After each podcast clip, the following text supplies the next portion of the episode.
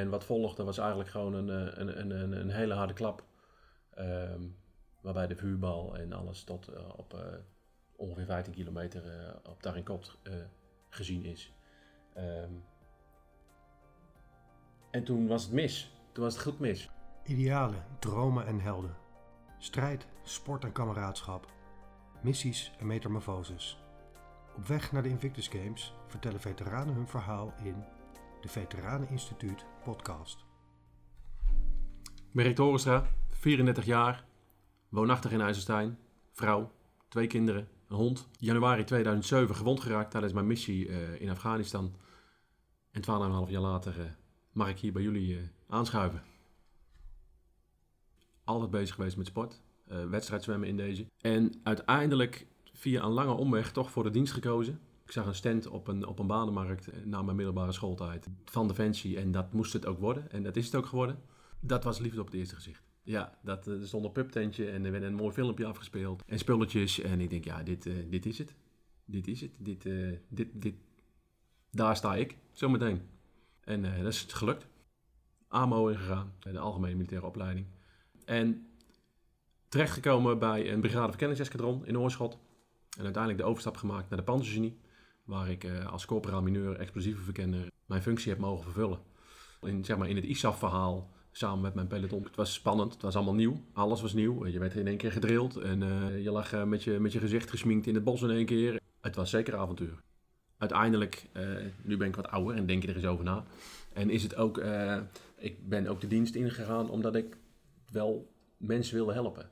En opkomen voor zwakkeren. En ja, het is geen mooie bedrijf denk ik dan om buiten politie, brandweer, ambulance medewerkers, om, om, om dan voor Defensie te kiezen denk ik. Als ik terugdenk aan vroeger, dan was mijn held sowieso mijn vader. Ik bedoel, uh, mijn vader was een grote sterke man, nog steeds, is een grote sterke man. Ja, ten alle tijden voor zijn gezin uh, klaar stond en zijn kinderen. En dus dat was echt wel mijn held. daarnaast was mijn opa ook echt wel mijn held. mijn opa is Nederlands-Indië-veteraan. Was Nederlands-Indië-veteraan. En die, hij praatte er nooit over. Maar gewoon de wetenschap dat hij daar helemaal is geweest en, en, en, en echt een behoorlijke tijd. Um, ik vond dat wel heldhaftig. En als je het hebt over sporthelden, dan uh, denk dan wel Marcel Wouda. Was toen uh, eigenlijk wel een van de betere zwemmers van Nederland. Ja, daar kijk je dan als klein jongetje best wel tegenop. Die man die was geloof ik ruim twee meter hoog en, en geloof ik voor de helft net zo breed. Dus ja, dat was gewoon al een hele imposante man om te zien. Als je, als je zelf twee turven hoog bent. En als je dan ook nog de tijden die hij neerzette, ja, dan is dat wel echt mijn sportheld. Het waren zeker wel sterke voorbeelden. En dan met name mijn vader, want die heeft mij natuurlijk de, de opvoeding gegeven. Beschermend, tot op zekere hoogte. Want ik kreeg ook genoeg vrijheden om, om, om mezelf te ontdekken en ontplooien en uh, op te groeien, zeg maar. Maar wel binnen een bepaald kader. Ook in dienst kan een heleboel, kon een heleboel. Maar ook binnen een bepaald kader tot op zekere hoogte. Streng maar rechtvaardig, denk ik. Misschien een soort juiste omschrijving. En dat was mijn vader. Was niet, ja, uh, die kon ook streng zijn, maar was wel altijd rechtvaardig. En dat, dat, dat herken ik wel uit, uit, uit dienst, zeg maar. Voor Rick en zijn eenheid begint het echt als ze op uitzending gaan. Afghanistan is de bestemming. Wat mij vooral bijgebleven is aan de, aan de apparaten dienst is de kameraadschap.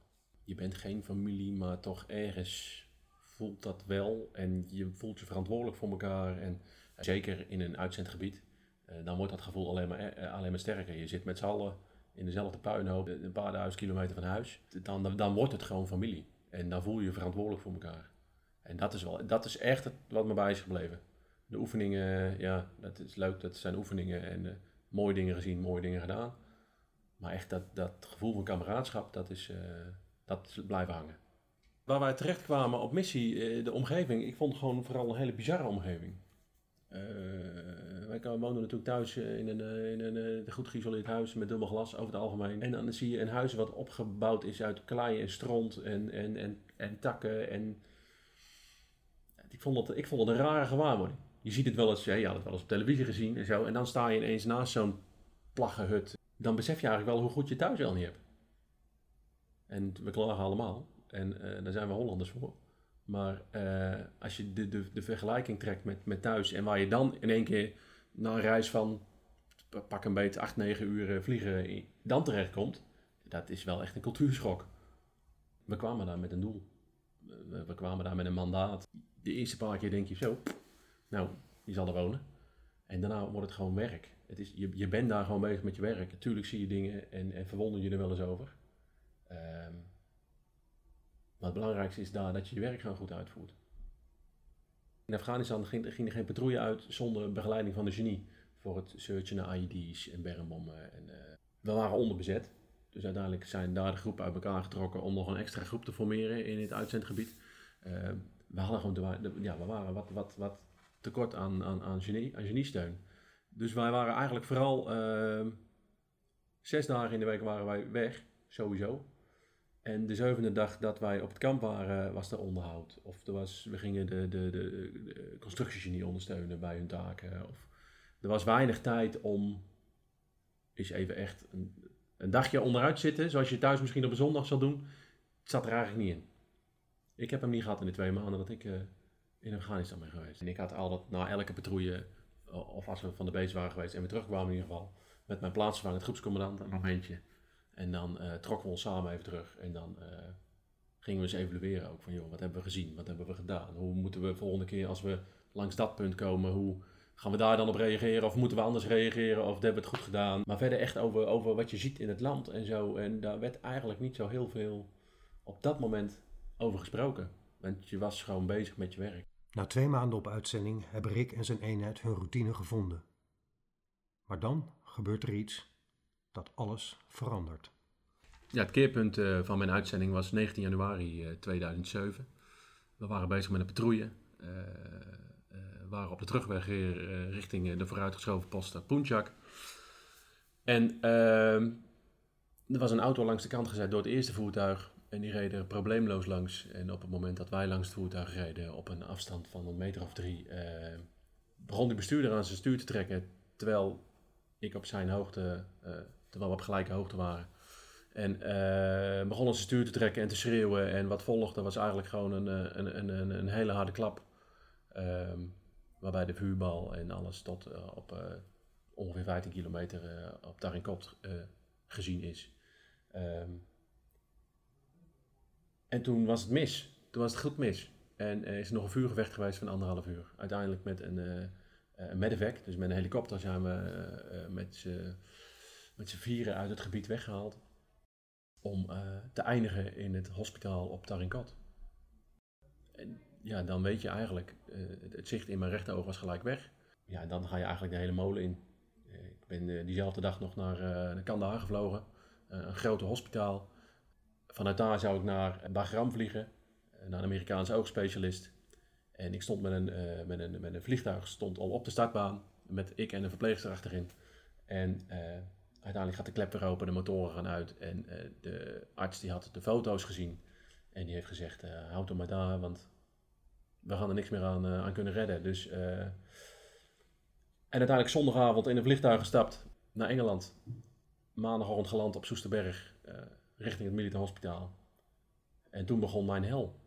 Want ik zat thuis en mijn peloton slash groep zat, zat daar. En dat vond ik echt verschrikkelijk. Ik ben maandag in het militair hospitaal aangekomen. Ik geloof dinsdag en woensdag zat uh, Dick Berlijn naast mijn bed. En toen heb ik hem ook gezegd, zeg, er is te weinig... Uh, we hebben wat problemen met mijn labs. Uh, metaaldetectors en zo in het gebied. Ik zeg, daar moet wat mee gebeuren. Dus dat is ook het eerste wat ik tegen hem kon uiten. En ik heb ook tegen de aalmoezenier die bij mij thuis is gekomen en aan het ziekenhuisbed heb gestaan, gezegd van, ik wil terug. Ik, weet je, ik laat mijn jongens in de steek. Zo voelde dat ook echt. Ik liet mijn jongens in de steek. En dit zijn niet eens mijn jongens, want ik was ook maar gewoon manschap en corporaal. Um, maar wel de menuur en explosieve verkenner in de groep. En ik ben ook vervangbaar, iedereen is vervangbaar. Maar op dat moment had ik, voelde ik dat echt niet. Ik liet mijn, mijn groep in de steek. En nu hadden ze een man minder. Dus zij hebben daar altijd anders over gedacht. Uh, hebben ze me ook verteld. Maar ik vond het echt verschrikkelijk om thuis te zijn. En het niet af te kunnen maken met mijn, uh, met mijn club, zeg maar. En dat, uh, dat heeft er toen wel echt wel ingehaakt.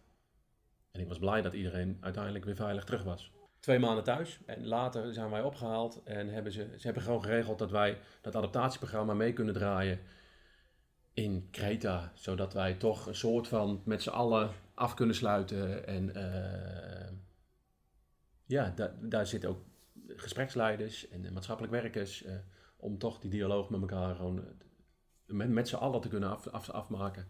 Ik was blij dat ik daar in het hotel iedereen weer gewoon in goede gezondheid uh, terug kon zien. Als ik die jongens, uh, en, en, jongens en meiden, want die zaten natuurlijk ook, als ik die op, op, op Eindhoven pas had gezien, dan had dat denk ik toch heel anders geweest.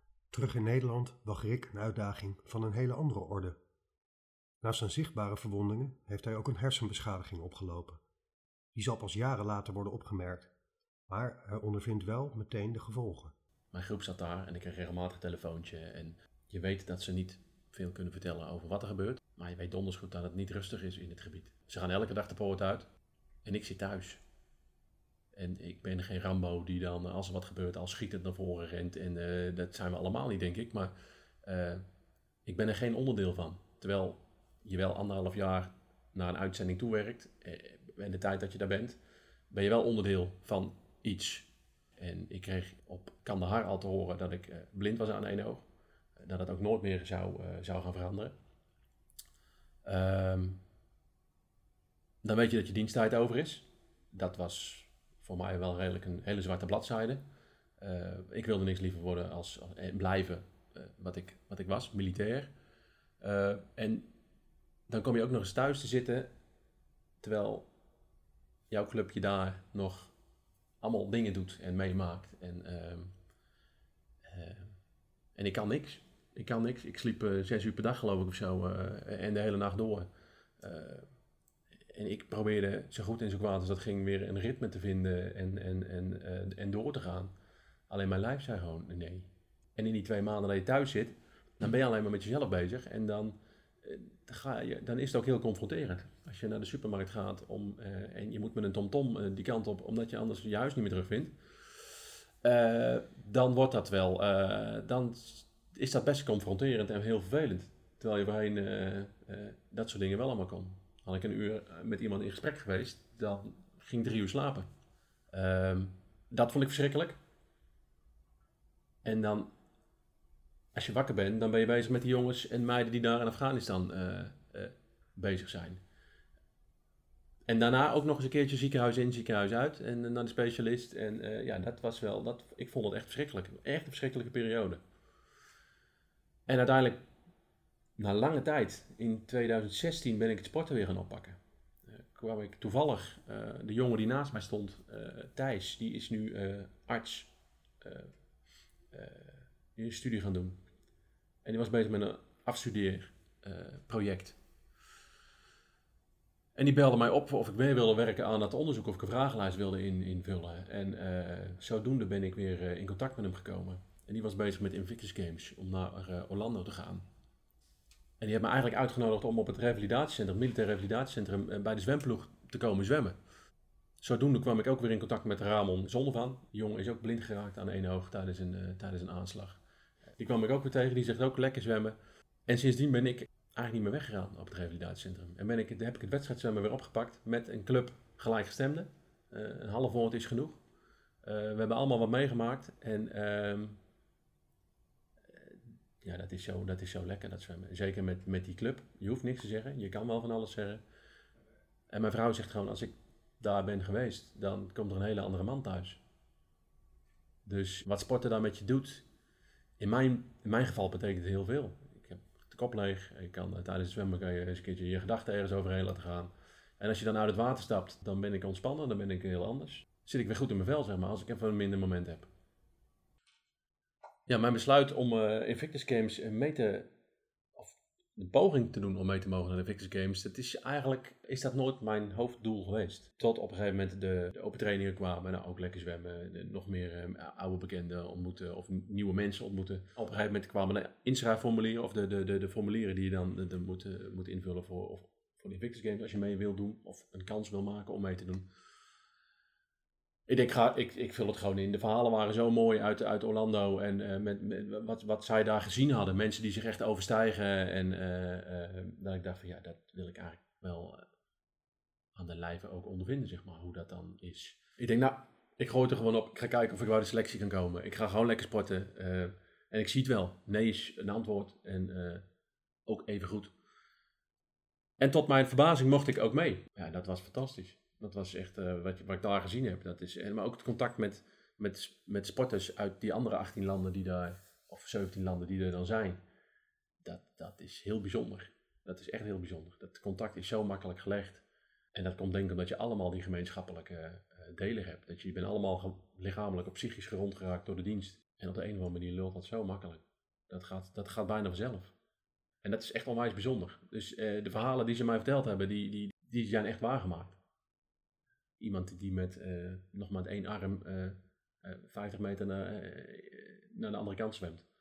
Eh, ja, dan kippenvel. Dan krijg je echt kip. En als zo'n man aantikt wat dat doet met zo'n zwemstadion, ja, dan dat, eh, daar, daar lopen de rillingen van over mijn rug. Het is echt fantastisch. Ik heb gelukkig het geluk gehad dat ik twee keer mijn familie mee heb kunnen nemen. Zowel naar Toronto in 2017 als Sydney 2018. En ik heb hè, kinderen, 6 en 9. En ook die zien de veerkracht. Die zien iemand met één arm naar de overkant zwemmen. Iemand die twee onderbenen mist, eh, lopen. Op, weliswaar met protheses, maar zij verblikken of verblozen niet. En ik vind het mooi dat ik, mijn vrouw vindt het ook heel bijzonder wat ze allemaal ziet. En, eh, maar dat mijn kinderen meekrijgen hoe veerkrachtig een mens eigenlijk kan zijn. Als je maar wil. En als je maar eh, met doorzettingsvermogen, dat je eigenlijk alles, en wilskracht, dat je alles kan. En ik vind het heel mooi dat ik mijn kinderen die boodschap ook indirect mee kan geven. Met Invictus Games laten in principe tussen de 500 en de 550 sporters zien waar ze nog toe in staat zijn. Zowel lichamelijk als geestelijk gewonden. Dat alles nog mogelijk is. Niks is onmogelijk, als je maar wil. Mede dankzij de sport klom Rick uit het dal. Hij kan nu weer genieten van het leven en vooruitkijken. Ik werk twee dagen in de week eh, in verband met mijn hersenbeschadiging. Ik ben part-time huisvader. Zo simpel is het. Ik mag mijn kids eh, drie dagen in de week van school halen en overal mee naartoe nemen. Ik sport veel. Ik geef lezingen aan, aan regionale veteranencafés of eigenlijk iedereen die daar maar mijn verhaal interessant genoeg vindt om daar drie kwartier voor te gaan zitten. Wat ik aan het eind van mijn lezing altijd geef. En ik ben daar redelijk ervaringsdeskundige in, maar ik probeer ze mee te geven dat hoe donker het soms ook om je heen is. Ik, ik laat een, een, een foto zien, een hele donkere foto met licht aan het eind van de tunnel en daar een silhouet van een, eh, van een persoon. Eh, in dat licht, eh, dat hoe donker het ook om je heen lijkt en hoe koud het soms ook is om je heen, dat het niet uitmaakt welke kant je opbeweegt, maar dat er ergens licht is aan het eind van die tunnel. En dat ergens de zon schijnt. En dat je dus altijd kansen hebt om bovenop te komen. Het credo van Invictus Games is I am the master of my fate, I am the captain of my soul. Die neem ik daar ook in mee, want die past daarin. Eh, alleen jij bent, je bent de enige die je eigen koers kan bepalen en je eigen geluk. En geluk is natuurlijk, hè, daar zit ook weer geluk aan vast. Dus eh, de, je moet ook soms een beetje mazzel hebben in het leven. Maar je bent verantwoordelijk voor je eigen, ja, je eigen lot, je eigen, je eigen geluk. Als ik met mijn verhaal één iemand kan bereiken die, die de weg omhoog vindt, het zij door sport, het wat dan ook, ja, dan, dan, dan is mijn dag geslaagd. En verder hoop ik dat ik eh, nog lang en eh, gezond mag leven met mijn vrouw en mijn kids. Eh, en vooral het verhaal kan blijven vertellen van wat, want dit is mijn verhaal. Er zijn heel veel verhalen zoals die van mij. Maar de oudere veteraan is een uitstervend ras. En die verhalen die gaan verloren. Maar er zijn ook een heleboel jonge veteranen met verhalen. En ik vind het belangrijk dat die verteld blijven worden. Eh, en als ik daar mijn steentje in kan bijdragen, dan doe ik dat heel graag. Tot slot wil Rick een oproep doen aan alle veteranen die luisteren. Van 9 tot 16 mei eh, volgend jaar eh, zijn de Invictus Games in Den Haag. En iedereen die spektakel wil zien en, en, en, en mensen boven zich uit zien stijgen, kom alsjeblieft die kant op. Eh, moedig iedereen aan van elke nationaliteit die er is. Ehm, en volg eh, de eh, Facebook van de Dutch Invictus Games team. Daarin staan ook de datums van trainingen en eh, al het nieuws wat er gebeurt rondom het, rondom het Nederlandse team. Vind die familie, en wie weet leidt dat tot een deelname aan een Invictus Games. Kom in grote getalen. Dit was de eerste aflevering van de Veteraneninstituut podcast. In aanloop naar de Invictus Games Wilt u meer horen? Ga dan naar www.veteraneninstituut.nl www.rijnmond.nl